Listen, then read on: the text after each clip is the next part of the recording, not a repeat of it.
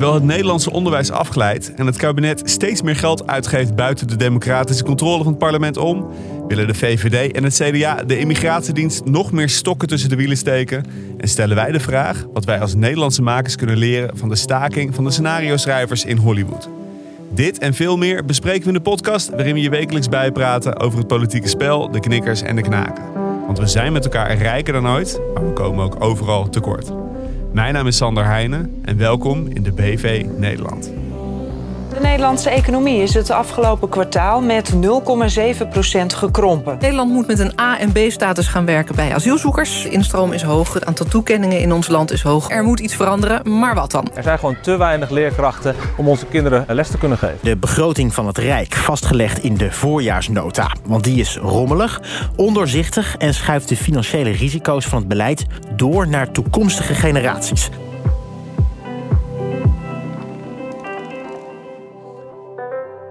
Ja, Hendrik Noten. 17 miljard euro extra aan uh, personeelskosten dit jaar. Dat klinkt uh, als, uh, ja, als, alsof Nederland er heel erg op vooruit gaat. Oh, zo, zo las jij dat? Nou, zo werd het ook wel gepresenteerd. Ja, het hangt er een beetje vanaf aan welke kant je natuurlijk staat. Ik zag een kopje van BNR. Ja. Business News Radio. Zeker. en daar stond juist bedrijfsleven onder druk door stijgende personeelskosten. Omdat uh, het Nederlandse bedrijfsleven straks 17 miljard euro extra kwijt is aan loonkosten vanwege alle loonstijgingen. Klinkt als veel geld natuurlijk, hè? Tenminste, dat was ook toen ik het las. Dacht ik van, oeh, ja. blij dat het niet mijn uh, huishoudkosten zijn. En hoeveel is, hoeveel is dat in procenten?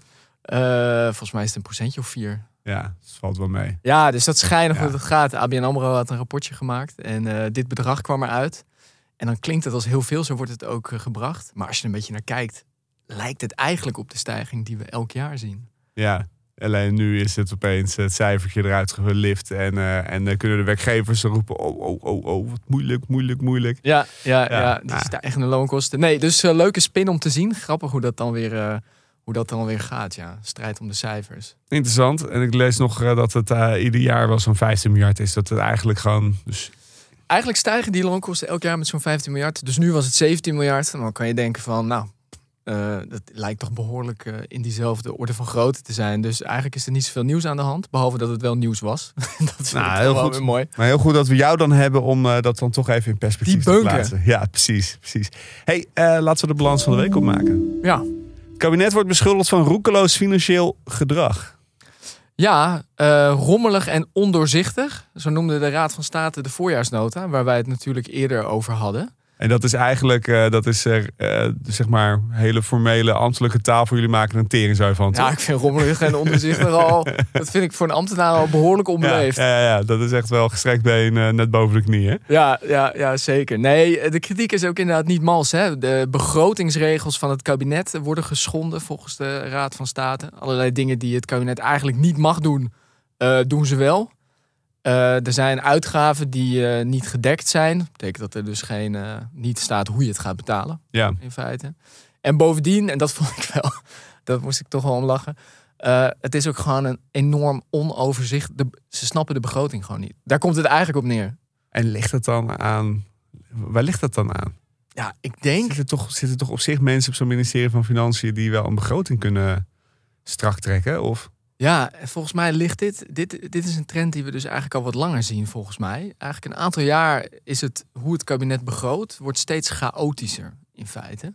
En voor een deel heeft dat ook te maken met hoe moeilijk het is om het met elkaar eens te zijn. Dus er wordt tot achter de komma worden dingetjes aan elkaar geknoopt. Van nou oké, we willen niet echt bezuinigen. En dan halen we hier wat geld vandaan. En op een gegeven moment heb je een document van 200 pagina's waarin je dat probeert uh, uit te leggen. Heeft dit te maken met hoe die democratie uh, eigenlijk aan... Uh, de democratie valt niet per se uiteen, maar de, het parlement valt in 21 fracties. Die willen natuurlijk allemaal willen die iets, iets in zo'n begroting fietsen.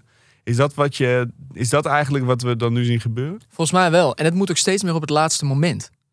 Dus er wordt steeds meer tot op het laatste moment wordt er onderhandeld en gesteggeld om tot een akkoord te komen.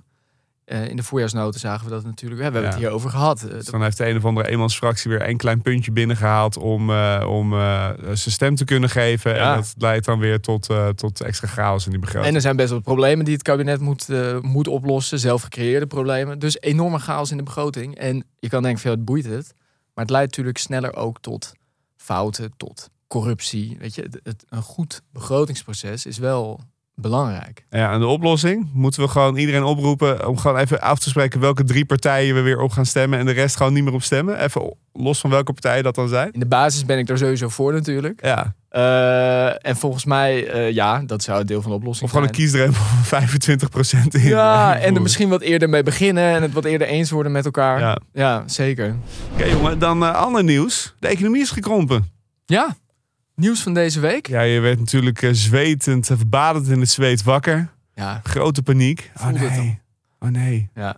Nee, dat, nou ja, wel interessant. De economie is een beetje gekrompen. Harder Dus we, dan zijn niet meer, dus we zijn niet meer rijker dan ooit. Eh, nee, we zijn iets armer weer dan in december. Ja, ja. kut. Ja. Kut, moet ik die tagline van die podcast veranderen. Ja. Nee, iedereen dacht van er komt wat meer groei en er kwam een klein beetje krimp. Eh, ja, en hoe komt dat dan? Voor een belangrijk deel omdat consumenten eh, niet meer uitge... Men had verwacht dat ze meer zouden blijven uitgeven. En dat bleek niet zo te zijn. Want zoveel zijn de lonen nou ook weer niet gestegen. Nee, en ik moest wel heel erg lachen, want ik zag de, mm, eh, de woordvoerder van het CBS in het nieuwsbericht. Die zei, ja, misschien voelen de consumenten de inflatie ook wel inmiddels. En toen dacht Zou ik, het? No shit, Sherlock.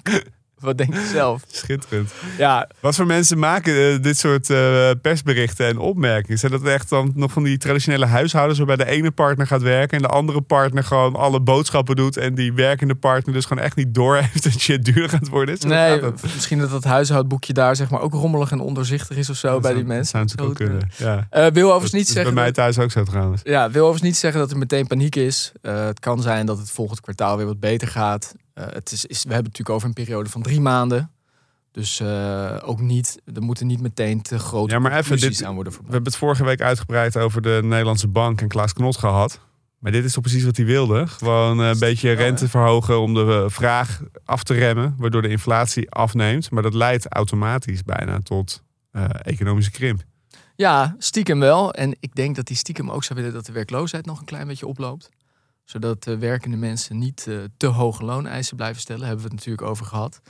Dus in die zin is dit wel wat hij eh, wil. Je moet gewoon de pensioenleeftijd ophogen naar eh, 73. Dan, dan, dan, dan heb je weer een boel werklozen erbij. ja, Maar met die vergrijzing is het gewoon bijna ondenkbaar dat die werkloosheid weer oploopt. Dus daar kan Knot op hopen. Maar dat heeft natuurlijk gewoon geen zin. Nee, ik denk het belangrijkste om te zeggen. Eh, het was natuurlijk groot nieuws, maar voorlopig is het dat nog niet. Laten we eens dus rustig kijken hoe het verder gaat. Hey, eh, we moeten het een keer hebben over het onderwijs. Want we zijn in Nederland de kenniseconomie. We moeten het eerst nog hebben over de asielstatussen. Oh, fuck. Ja, Ja. want dat zit niet voor niets in jouw introotje. Nee, sterker nog, daar vinden we wat van. Ja, precies. Ja. Hey, ehm, de asielstatus. Ja. Ja. Nou ja, volgens mij het laatste eh, bericht van deze week. In het kabinet wordt onderhandeld van wat moeten we gaan doen met, met het asiel. Eh, met de grote problemen in de opvang. Want we hebben te weinig opvangplekken. En er komen komend jaar waarschijnlijk nog weer meer mensen binnen dan eh, de afgelopen jaren. Precies. En er is natuurlijk fitty tussen, moet, eh, ligt het aan de instroom of ligt het aan de opvang? Wij hebben een heel, ik, ik ben altijd heel erg van, onze opvang is niet op orde. Maar daar denkt het kabinet een klein beetje Nee, die vinden de instroom is niet op orde. Dat is te veel. Ja, en nu eh, komen Dat er, rommelig. er komen berichten naar buiten dat het kabinet wil rommelen. We hoeven helemaal niet in de details in te gaan, maar in de status die asielzoekers krijgen als ze binnenkomen. Ja, dus nu komt iedereen binnen met gewoon de status asielzoeker. ja, en je Punt. Ja, en ze willen dat eigenlijk opsplitsen in twee soorten statussen. Een A- en een B-status. Nou, dat doet er verder niet zo heel erg veel toe. Ehm, eh, het kabinet, of vooral VVD en CDA, denken dat dat helpt om een soort onderscheid te maken tussen mensen die hier echt moeten zijn en mensen die relatief snel weer teruggaan. Ja, dus ze denken in feite toch een soort van preselectie te doen van kansrijk of kansarm op opvang. Ja. Wat gewoon het punt alleen is, is dat wij hadden dit systeem in Nederland. En dat hebben we afgeschaft. Omdat het bureaucratisch enorm veel werk oplevert voor de IND Ja. om onderscheid te gaan maken tussen die status. Want wat gebeurt er als jij in die kansarme status wordt ingedeeld? Het eerste wat je doet is daartegen procederen. Tuurlijk. je kan, kijkt of je in die kansrijke status komt. Precies. Dus je krijgt meer procedures. En het gaat dus ook langer duren Ja. mensen met een kleine kans op asiel weg te krijgen. Precies. En die beslissingen moeten dus heel goed onderbouwd gaan worden door de IND. Dat weten ze toch bij de VVD en het CDA? Ik vermoed van wel. En daarom word je er ook heel cynisch van. Omdat je bijna denkt, ben je nou bewust een stok in de wielen van de IND aan het steken... die al enorme problemen heeft? En wat zijn daar dan eh, de... Afschrikken, denk ik. Wie wil je afschrikken dan? Mensen, om bij de, bij de IND te gaan werken? Of, Nee, mensen hier naartoe komen, denk ik. maar die zitten toch niet dit te volgen? Ja, Nee, nou ja, nou ja, dat is wel het verhaal wat vaak gezegd wordt. Van mensen weten dat het in Nederland te makkelijk is. En daardoor komen er veel mensen naar Nederland. Ik weet niet, ik kan het echt moeilijk beoordelen. Of is het een politiek spel? Maar ik word er wel een klein beetje cynisch van. Het is verder nog geen kabinetsbesluit. Hè? Het is debat in de coalitie. Maar het is wel iets, denk ik, om te volgen. Want de kans dat er een grotere puinhoop van wordt. In plaats van een kleinere. Die is best wel groot. Eh, nou goed, we blijven het volgen. En eh, dan lijkt het me nu dan eh, wel tijd om eh, naar de staat van ons onderwijs te gaan. Ja, Want zoals ik net al zei, Nederland is een kenniseconomie. We hebben eigenlijk weinig grondstoffen meer. We hebben relatief weinig industrie meer. Maar wat wij wel hebben is, is onze goed opgeleide bevolking. Onze kennis waarmee we nog steeds over de hele wereld ons geld kunnen verdienen. Althans, dat is de, de grotere strategie van, van Nederland al heel lang. En jij wilde het eens hebben over eh, hoe staat het nou eigenlijk met de kwaliteit van de kennisoverdracht aan de volgende generatie. Oftewel het onderwijs. Want als je... stelt het heel formeel. Ja, mooi hè? Ja, de Ja. kwaliteit van de kennisoverdracht aan de ja, nee, ik, volgende probeer, ik, generatie. probeer, ik probeer er een wat intellectuelere show van te maken. Ja, ik merk Als het. tegenhanger voor, de, voor het gevloek en gescheld dat ongetwijfeld ook nog eh, voorbij gaat komen later in goed. deze aflevering. Ja, De staat van het onderwijs. de staat van het onderwijs. Die is niet zo goed hè? Nee, er is nogal wat aan de hand natuurlijk. En eigenlijk al een hele tijd. Eh anderhalve week geleden kwam weer het rapport van de onderwijsinspectie naar buiten. Eh, en daarin stond in wat we inmiddels al weten, helaas zou ik zeggen. Namelijk dat het gewoon in het Nederlands, vooral het primair en voortgezet onderwijs. Ja, jij zegt Nederland kenniseconomie. Eh, we zien onszelf als een slim land, innovatief. Maar eigenlijk in het onderwijs gaat het gewoon al jarenlang slecht. Echt slecht. En ook in Europese zin. Ja, Best wel dus slecht. ook niet een beetje slecht. Ik ben even in die cijfers gedoken. In 2003, hè, 2003 20 jaar geleden, kon 11% van de 15-jarigen in Nederland niet voldoende lezen om de hoofdgedachte uit zijn tekst te halen. Dat is dan hoe de inspectie dat noemt. 20 jaar geleden is dat. 20 jaar geleden. In 2020 g- ging dit om 24% van de eh 15-jarigen. Dus 24% van de 15-jarigen. eh, en je- tot je 15e zit je gewoon op school, leerplicht. Eh, die, die, die hebben dan in al die jaren onderwijs hebben die gewoon niet normaal leren lezen. Dat is eigenlijk wat daar staat. Ja, een kwart. Een kwart. En dat was dus 11%. Kijk je dan naar het Europese gemiddelde, Ja. dan zie je dat in eh, 2003 dat Nederland, de Nederlandse kinderen echt nog ruim boven het Europese gemiddelde scoorden qua leesvaardigheid. Kijk je dan nu naar dat Europese gemiddelde, zitten we er ruim onder. Dus het is niet dat het Europese gemiddelde alleen is verslechterd. Nee, Wij zijn echt Het. Europese gemiddelde is namelijk niet verslechterd per se, ook niet per se verbeterd. Het is gewoon nog steeds ongeveer op hetzelfde niveau. Dus er wordt ook heel vaak gezegd, ja, maar dat komt door, eh, door Instagram en eh, TikTok en Precies. smartphones enzovoort. Is dus niet zo. Al die Europese jongeren zitten allemaal op diezelfde platformen. Alleen in Nederland leren we dus op de scholen kinderen niet meer fatsoenlijk lezen. En, en dat is heel lijp. Als je gaat kijken naar. Wij zijn altijd in Nederland heel goed om ons in top 5 van, eh, van, van ranglijstjes te plaatsen. Hè? Van eh, weet ik veel, gelukkigste land of eh, beste, weet ik veel. dat vinden we, vinden we superleuk. Welke plaats denk je dat we nu staan op de PISA-ranking? Dat is de internationaal vergelijkende lijst van, van onderwijsniveau. En dat gaat op een aantal niveaus. Maar als we kijken naar leesvaardigheid, welke plaats op de wereldranglijst denk je dat Nederland nu staat? Niet in de top 10, denk ik. Nee. Ik hoop nog wel in de top 20. Eh, nee. Echt niet? Nee. Wel in de top 30 dan. Ja, dat redden we net. Ja. Plaats 26 staat Nederland. Ja, ja, Plaats 26. ja. En wij willen het unieke, de unieke kenniseconomie zijn. Maar ja, om, op de een of andere manier om kennis in een hoofd te krijgen, helpt het toch heel erg als je een beetje kan lezen. Ja, tuurlijk. En, en dus, dus die basis leren we kinderen al niet meer. En dat leidt ook tot enorme kansenongelijkheid. Want we zien dus nu dat twee op de tien Nederlandse kinderen... die, gaan, eh, die krijgen op de een of andere manier particulier eh, onderwijs. Ofwel aanvullend, ofwel volledig. Hè. Dus, dus twee op de tien Nederlandse kinderen gaan ofwel naar een privéschool... hebben een particulier huiswerkinstituut... of volgen betaalde examentrainingen. Dus je ziet dat die kwaliteit van het onderwijs daalt. Maar mensen die geld hebben, kunnen hun kinderen toch nog er doorheen trekken. Met allerlei eh duur betaald privé.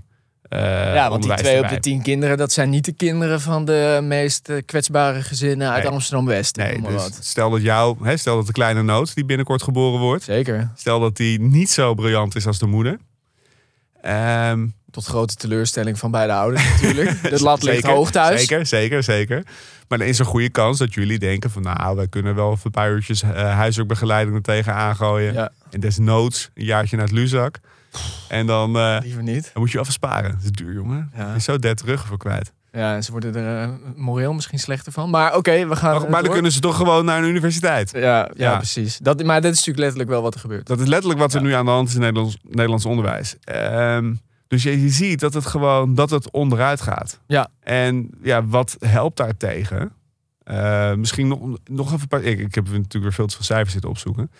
Nog eentje. nog eentje. Nou ja, wat dus. Wat En dus straks heb ik nog een tweede, mag je straks nog. nou, ja, er zijn dus een paar dingen. Als je dan gaat kijken naar die top 10 van best presterende eh, onderwijslanden, zie je dus dat in die hele top 10 is er maar één land dat kinderen op dezelfde leeftijd selecteert als wij. Hè, namelijk, wij doen ook nog eens iets geks. Namelijk in Nederland, als ze elf zijn, beslissen we wie gaat er naar de HAVO, MAVO, VWO. Of MAVO bestaat niet meer, VMBO. Dus halen we die kinderen uit elkaar. Op basis van wat we denken dat ze cognitief aankunnen. En je ziet dus eh, twee dingen daarin. Ten eerste landen die dat niet doen. Dus die kinderen tot hun zestiende bij elkaar houden. Daar doen de kinderen over de hele breedte het structureel veel beter. Dus die scoren gewoon hoger dan Nederland op al die ranglijstjes. En dat, de verklaring daarvoor is dat kinderen zich ongelijk ontwikkelen. Dus de ene is als hij tien is, eh, waar de andere op zijn dertiende komt. Maar uiteindelijk, als ze 16 zijn, zitten ze allemaal ongeveer weer op hetzelfde ontwikkelingsniveau. Ja. Dus wij selecteren vrij vroeg. En dat is eh, nadelig voor, voor de laadbloeiers. Dus dat helpt niet. Maar er zit nog een tweede element bij. Als je dan gaat kijken hoeveel geld we uitgeven aan het primair en het voortgezet onderwijs. Dan zie je dat we in Nederland relatief heel weinig geld uitgeven aan het primair onderwijs. Dus het basisonderwijs. In eh, Europees Ja, in OESO, in OESO ver- verband, in OESO vergelijking. Dus Ja. dan scoren we, staan we ook ergens eh, op tussen de 20ste en de 30ste plaats. Dus we, geven daar relatief heel weinig geld aan uit. En tegen het voortgezet onderwijs geven Nederland relatief vrij veel geld aan uit. Dus, dus zitten we dus qua uitgaven wel in die top 10. Maar dan zie je dus dat in het voortgezet onderwijs, wanneer we echt gaan investeren, wanneer er grotere budgetten beschikbaar zijn, dan hebben we dus al een schifting gemaakt tussen kansrijk en kansarm. Ja, Dus daar zit ook iets heel, heel vreemds in. ja. En dan een laatste cijfertje. Ik heb even gezocht naar ehm, hoe verhouden de onderwijsuitgaven zich tussen de landen die goed presteren in Nederland. En dan zie je dat we in Nederland zo rond de 4% van ons BBP uitgeven aan onderwijs. En de Scandinavische landen zit dat allemaal boven de 5%. België ook. En die scoren ook dan, denk ik niet toevallig, stukken beter op al die. eh, ja, maar dat is dan dus een belangrijke constatering, toch? Van, van er zitten echt allerlei problemen. Er zit ook iets in wat ongelijkheid versterkt. Maar bovendien gegeven, het is ook niet zo dat het bij ons wel relatief duur is. Dus het is niet zo dat we alleen inefficiënt bezig zijn. We leren ze weinig shit, maar het kost ook Ja. niet al te veel. Nee. Hey, dan, want dan, door een van de problemen ook in dat onderwijs, en wat hier ook aan bijdraagt, is het lerarentekort. ja. Daar wilde ik het dan misschien even op inzoomen. Nou ja, dus dat is inderdaad leuk om daar naartoe te gaan. Want Ja. even, we hebben nu inderdaad de kwaliteit. Nou, is kut. Uitkomsten zijn niet goed. En zou je kunnen zeggen, misschien hebben we gewoon hele slechte leraren. ging Intellectueel praten vandaag, toch? Ja, maar ik, ik heb begrepen dat je bij een podcast af en toe dat er ook wat lucht in moet zitten. En een meningje. Dus eh, dit was Kwaliteit is matig, ja. Nee, maar dan kan je dus, zijn er dus twee mogelijke opties. Ofwel onze leraren zijn niet zo goed. Ja. Of, en daar wil jij naartoe, en ik denk dat je gelijk hebt, we hebben er niet genoeg. Nee. Nou, we hebben er zeker niet genoeg. Dat is een feit. Er is natuurlijk sprake van een lerarentekort. Zowel in het primair onderwijs als het voortgezet onderwijs. In ieder geval hier waar wij opnemen in Amsterdam zijn er scholen die maar vier dagen in de week lesgeven bijvoorbeeld. Omdat ze niet voldoende mensen voor de klas hebben. En eh, wat misschien wel een interessante vraag is dan, is wat ga je dan doen met dat lerarentekort? Hoe ga je dat eh, oplossen? En ik, Je zou bijna denken, meer leraren. ja, dat zou je in Ja. eerste instantie denken, meer leraar. En volgens mij komen we daar zo meteen ook op uit. Maar eerst is misschien de vraag, hoeveel, hoeveel personeel is er nou eigenlijk? En ik heb dat ook dat eens even op een eh, rijtje gezet. Kijk, als je kijkt naar het voortgezet onderwijs en het primair onderwijs samen, Ja, dan eh, heb je in totaal werkt er 230.000 FTE in die sector. het zijn een boel mensen. Dat is alles bij elkaar. Ondersteunend, onderwijs en Ja, dus gewoon het aantal banen in het Ja. primair en voortgezet onderwijs 200 230.000. FTE. En hoeveel leerlingen hebben we het dan over? In diezelfde sectoren zijn 2,3 miljoen leerlingen. Dus één, eh, per tien leerlingen is er één voltijds baan in het basis- en voortgezet onderwijs. Ja. Dus je zou kunnen zeggen, Kleine klassen, moet kunnen. is er wel een tekort. Ja, Spreid gewoon al die leraren. Spreid ze over het land. Deel het een beetje op. en dan moet dat te doen zijn. behalve dat al die mensen die daar werken, dat zijn niet allemaal leraren. Behalve deels dat die mensen die daar werken zijn niet allemaal leraren. Dat klopt. Maar en bovendien dat eh, dat ook niet is hoe wij in Nederland werken. Maar het is maar wel interessant. Hè? Bijvoorbeeld in Frankrijk werkt dat wel zo. Dus daar als je docent bent, eh, ben je echt in dienst van de overheid, van het ministerie. En word je gewoon geplaatst. Dus je wordt gewoon geplaatst. Ja, maar dat zijn even twee verschillende dingen. Dus nu zeg jij van je wilt gewoon dat, dat we leraren gedwongen op scholen plaatsen. Maar wat die cijfers laten zien, is dat, want in Nederland klassen van 25 leerlingen, nou, dat is heel normaal. En 30 komt ook wel veelvuldig voor. Ja. En ik heb ook eh, destijds toen de scheefgroei hadden we een, eh, een klas met 52 leerlingen. Er waren twee groepen 8 die waren samengevoegd, ergens in de Flevopolders. Er was gewoon echt geen leerkracht te vinden. Dus ja, dan maar twee klassen met één leerkracht. Dat soort absurditeiten, dat zou je denken, ja, als er gewoon echt de mensen niet werken in het onderwijssysteem, ja, dan kan het niet anders. Ja. Maar jij hebt dus uit zitten zoeken. Er werken gewoon heel veel mensen in het onderwijs die blijkbaar niet voor de klas staan. Deels, ja. Maar het is ook dus regionaal niet goed gespreid. Maar er zijn ook heel veel mensen die... Er is heel veel ondersteunend personeel. Die mogen ook niet zomaar voor de klas zijn. Er zijn ook niet voldoende echte docenten. Dus er is ook steeds meer onderwijsondersteunend personeel. Dat is eigenlijk... Hier in Amsterdam speelt die discussie ook. Hè, dat het dan tussen aanhalingstekens onbevoegd personeel is. Eh, dus er zijn ook niet voldoende echte docenten. Tussen aanhalingstekens zeg ik het maar even erbij Nee. om niemand, eh, niemand tegen de schenen te schoppen. Dus je zou kunnen zeggen van ja, moeten we al die lui spreiden? Nou, dat, dat gaat dan niet helemaal werken. Dus eigenlijk is het dan maar één andere oplossing. En dat is zorgen dat er gewoon meer personeel komt. Meer docenten. En ehm, ja, daar kan je een beetje op verschillende manieren naar kijken hoe je daar eh, moet komen. En dat is denk ik wel interessant, want de normale gang van zaken zou zijn: eh, zorg gewoon dat er meer geld komt. Verhoog de lonen.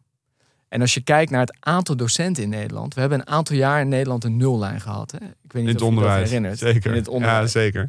Dat was een van de bezuinigingsmaatregelen na ehm, in, vanaf 2010. Ja, ja. Dus dan, De grote bankencrisis, we hebben de banken gered. Moest er 50 miljard worden gesneden in de publieke uitgaven. En dat ging natuurlijk, nou, dat gaat dan per definitie ten koste van de publieke sector. Toen hebben we het leger afgeschaft. ja, ook dat. Eh, toen hebben we enorm gesneden in de ouderenzorg. Eh, we hebben de pensioenen verhoogd. En we hebben de leerkrachten op de nullijn gezet. Precies. En als je kijkt naar het aantal docenten in het onderwijs, dan zie je gewoon heel mooi vanaf 2010, vanaf die nullijn, zie je eigenlijk dat het aantal FTE's in het onderwijs gaat zakken. Dus er zijn steeds minder mensen, voltijdsbanen in het onderwijs. Tot zo'n dus- beetje 2017 dus- of zo. Ja? En dan komt er weer wat loon ook bij. En dan zie je dat het aantal weer wat aan het stijgen is. Dus we, Dus je ziet heel duidelijk, zeg maar, als je dan toch eh, in de prikkelkunde wil denken, zie je toch heel duidelijk dat eh, financiële prikkels, namelijk gewoon je loon min of meer eh, op peil houden met, met het prijsniveau, ja, dat dat toch enorm helpt om eh, mensen te interesseren om voor de klas te gaan staan. precies. Verrassend. Ja, gek hè? Kan je er bijna niks bij Nee, voorstellen. ik kan me helemaal niks bij voorstellen. Nee, je ziet dus ook dat die bezuinigingen. Ja, je ziet dus ook dat die bezuinigingen. We hebben nu dat tekort gewoon echt een gat hebben geslagen waar je jaren over doet om eh, uit te komen. Ehm, Ja, want een leerkracht opleiden, dat kost een jaar of vier.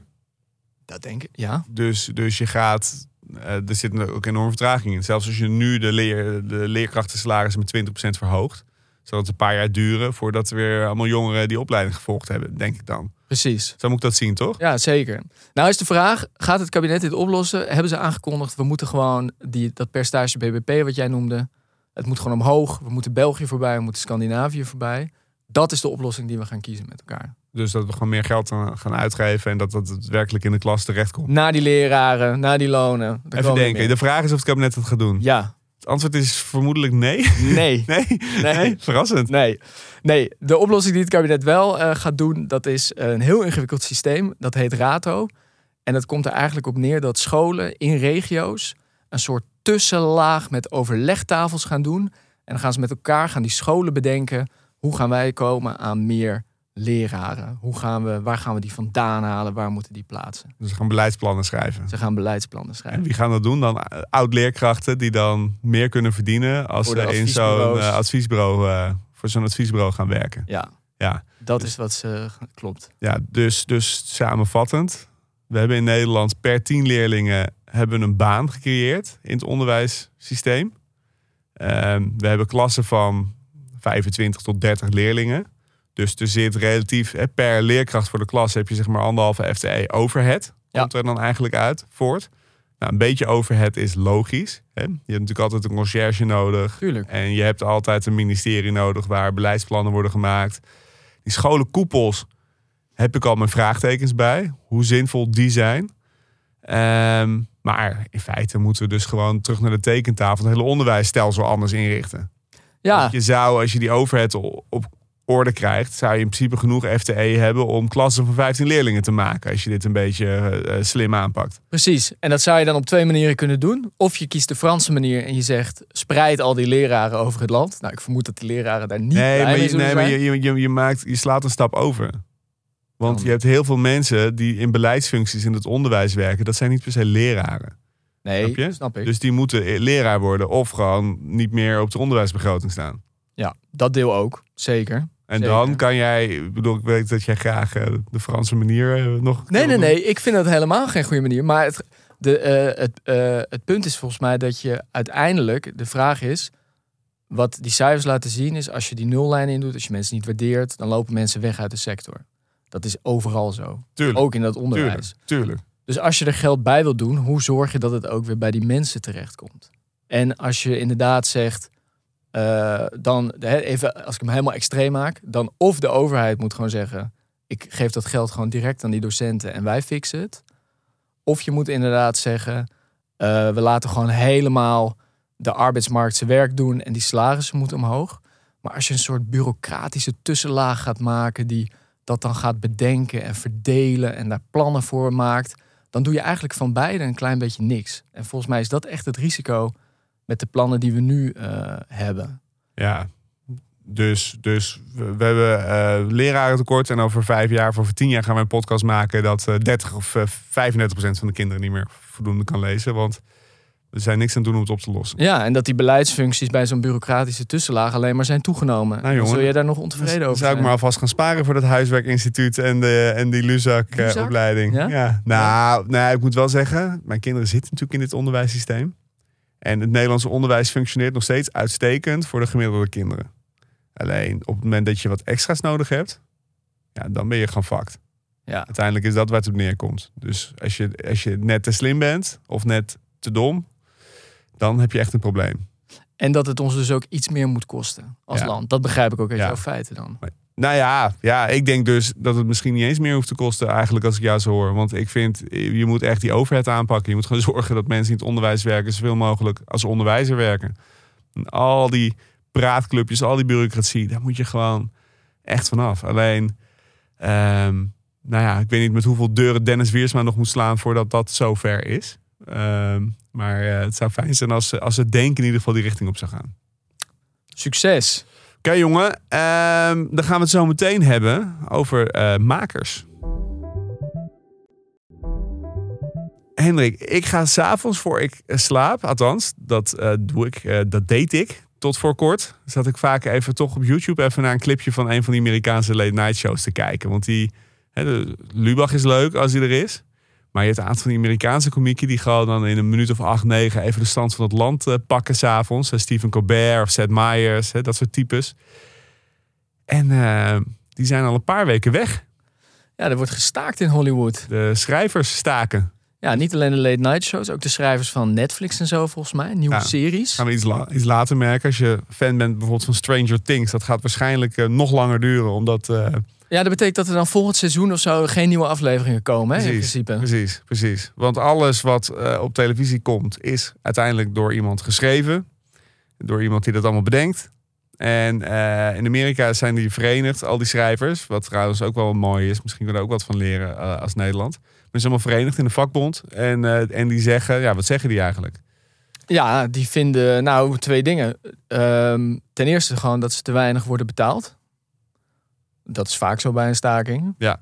Eh, en vooral ook ten tweede dat ze heel veel risico's krijgen. Dat heel veel risico's bij hen worden belegd. En dat is misschien goed om even uit te leggen. Want dat, daar heb jij als journalist natuurlijk ook meer ervaring in eh, dan ik.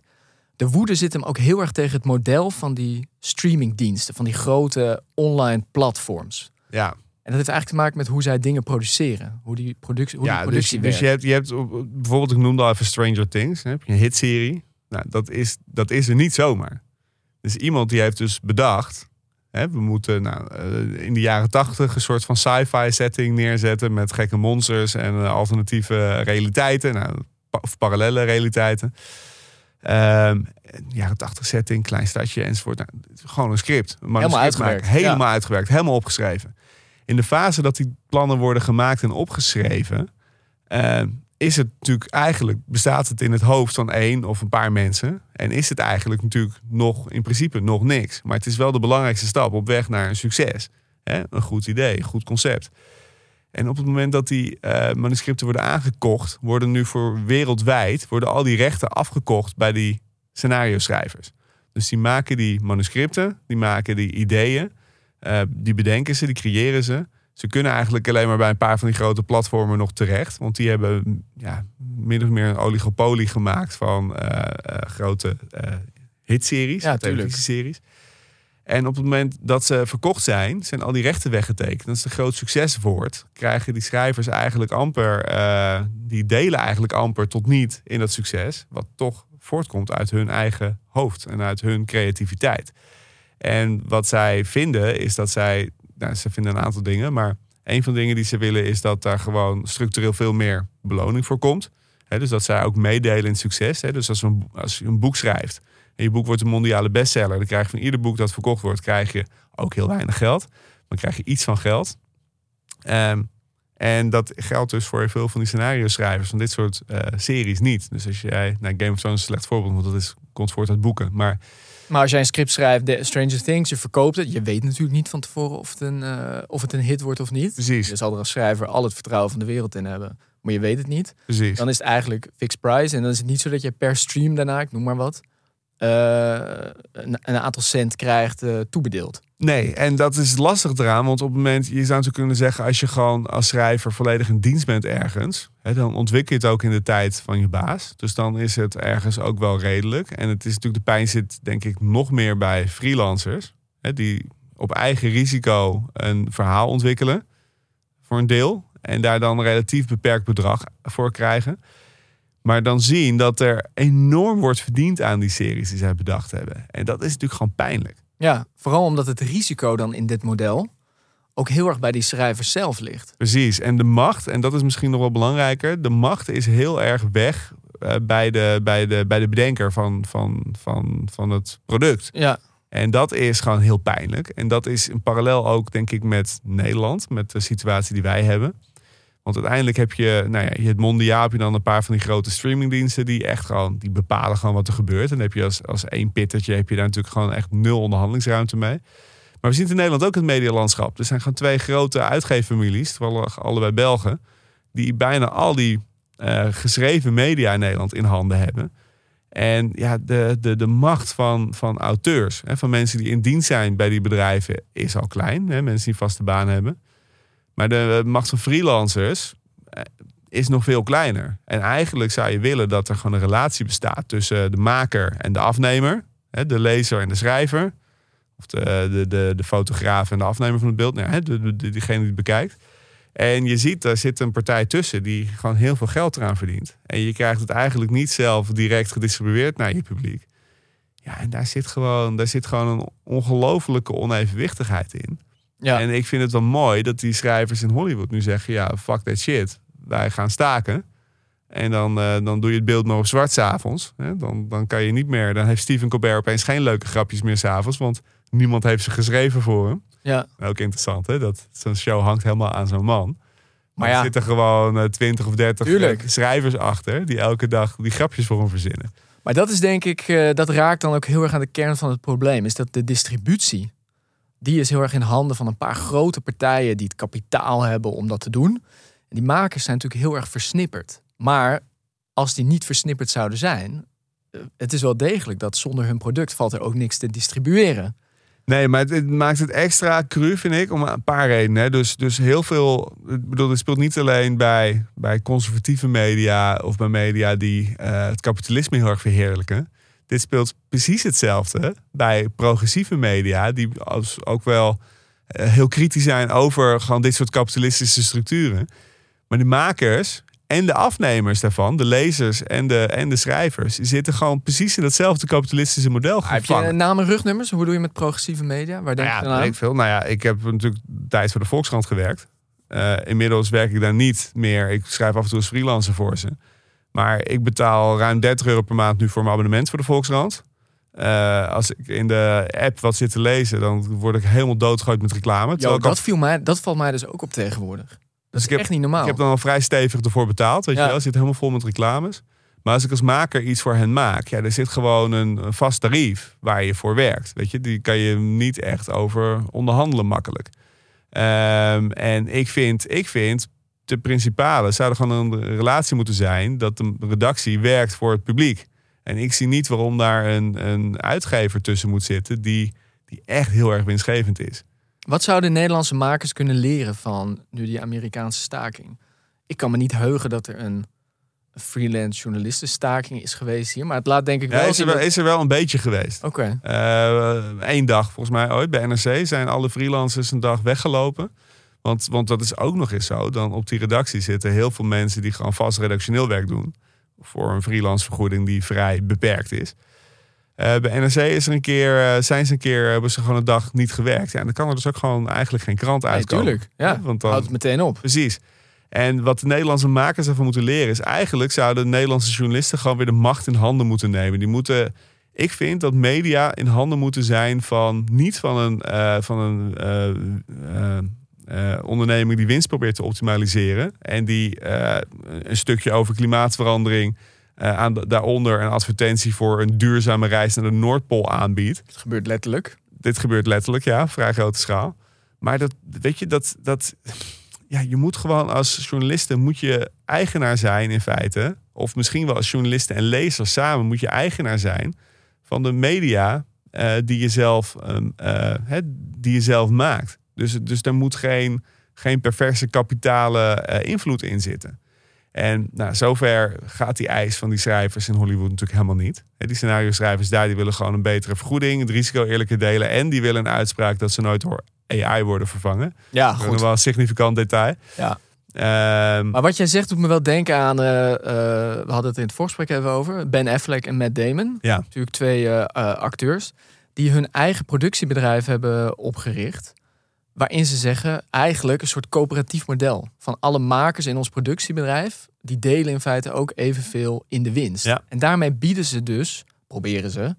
Ja, een soort tegenmacht te zijn eigenlijk aan die platformen. Zouden we dat niet ook in Nederland veel meer langs die lijnen moeten denken? Zeker. En ik zit er ook over, ik zit erover na te denken. En misschien dat, dat mediamakers die daar zin in hebben, moeten me gewoon eens even, even benaderen online. Nou, Want als we, als we genoeg mensen kunnen vinden, dan lijkt het mij wel heel interessant om gewoon eens te kijken of we een. eh, ja, of we gewoon echt een coöperatief medium kunnen opzetten. Waar we gewoon geen, niet te maken hebben met, met, met eigenaren die daar zoveel mogelijk geld aan proberen te verdienen. Maar waarbij je echt gewoon heel zuiver als maker voor het publiek werkt en daar verder niemand tussen zit. Nou, serieuze oproep. En ik denk ook dat iedereen die nieuws consumeert, daar alleen maar baat bij zou hebben. Juist. Niet alleen voor juist. die knijten, irritante advertenties, maar ook gewoon journalistieke integriteit uiteindelijk volgens mij. Van Ja, en je hebt een kortere band dan tussen maker en publiek. Waardoor je ook gewoon gerichter kan zeggen van... Ja, wat wil je nu weten? Waar moet het over gaan? Ja. Hey, eh, ik ga daar ongetwijfeld... Ik hoop dat ik daar reacties op ga krijgen. Ehm, en eh, eh, voordat we daarover beginnen... zijn er nog andere reacties geweest. Ja, want we hadden het vorige week over Klaas Knot. Daar mocht je ook nog over op de radio eh, komen. Ja, was leuk. Ja, Ja, mooi. Deed je ook best wel goed. ja. dank je. Ja, Was ik, niet, eh, was ik niet... Nee, je, je bent dan iets wel overwogener dan in onze gesprekken, valt me altijd Ja? op. Ja, dat je toch een beetje aanpast op het bredere publiek misschien. ja, ja, ik voel me... Ik, ik, ik scheld niet op de radio. Hè? Maar er kwam, er kwam nee, bijvoorbeeld, ja, er kwamen behoorlijk wat reacties op. En onder andere van Bart Schenk eentje. Die eigenlijk nog wilde weten, wilde ik toch even aan jou stellen nog die vraag. Ehm, die zei, ja, mag ik vragen, in hoeverre is het überhaupt aan Klaas Knot om als DNB-president zich zo te bemoeien met ja, dat mensen loonsverhogingen willen, ja of nee? En ja, dat zo expliciet ook te doen op televisie. Hoe gepast is het eigenlijk?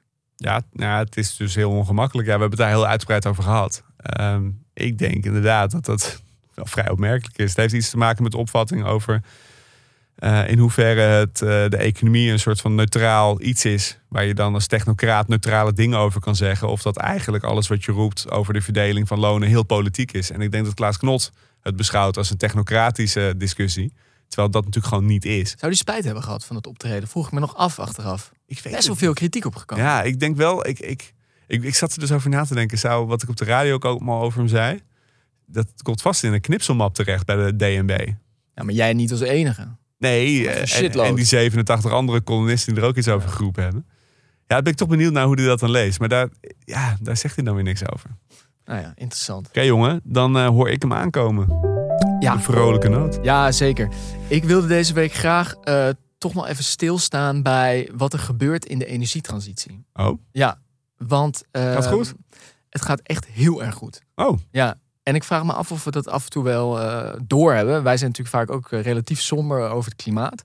Maar als je kijkt naar energie, dan zitten we op dit moment, vorig jaar, dit jaar, de komende jaren, zijn echt jaren van een ongekende eh, versnelling. En ik denk dat het goed is om daar af en toe even bij stil te staan. Ook een versnelling veel meer dan we eerder dachten. Dus als je kijkt naar wind- en zonne-energie, groeicijfers over afgelopen jaar, groeit exponentieel Ja, overstap naar elektrische auto's, het groeit exponentieel. Batterijinstallatie, exponentieel.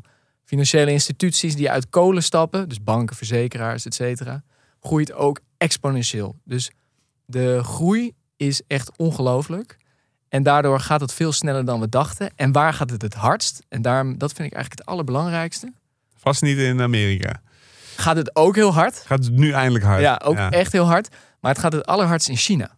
Kijk, En dat vind ik belangrijk, omdat vroeger werd altijd gezegd van klimaatbeleid. Ja, waarom doen we dat? Want China vervuilt toch eh, de wereld. Hè? En het is allemaal geldverspilling. In de Telegraaf lees ik dit altijd terug. Maar doordat China nu koploper is erin, is het eigenlijk aan het veranderen van waarom doen we het? Naar als we het niet doen, dan verliezen we deze technologische strijd. En dat is super voordelig ook voor die energietransitie. Fascinerend. Het is niet meer van het moet, eh, maar we willen het niet. Naar het moet, want als we koploper willen blijven, moeten we het nu echt doen. Denk ik ook niet dat Chinezen eh, veel eh, ruimte hebben om te demonstreren tegen windmolens in de achtertuin. Hè? Dat helpt, dat helpt. Ja, zeker, zeker. Maar Ja. ja, verreweg koploper, dus werkende winkel voor ons. En dat is uiteindelijk denk ik alleen maar goed. Nou, fijn. Fijn dat de Chinezen geen democratische rechten hebben en daardoor lekker snel kunnen vergroenen. Ja, is prettig Ja, toch? ja, is mooi. Ja, Ja. ja. Oké, jongen. eh, voordat we hier nog eh, eh, dingen gaan zeggen waar we echt hele boze reacties op krijgen. Ik denk dat dit hem was hè, voor deze week. Ja, zeker. Dus zeg ik tegen iedereen dank voor het luisteren. Volgende week zijn we er weer. Heb je vragen, tips, opmerkingen? Dan kan dat bijvoorbeeld door te mailen naar bvnederland.creator-podimo.com. Dat staat ook in de show notes.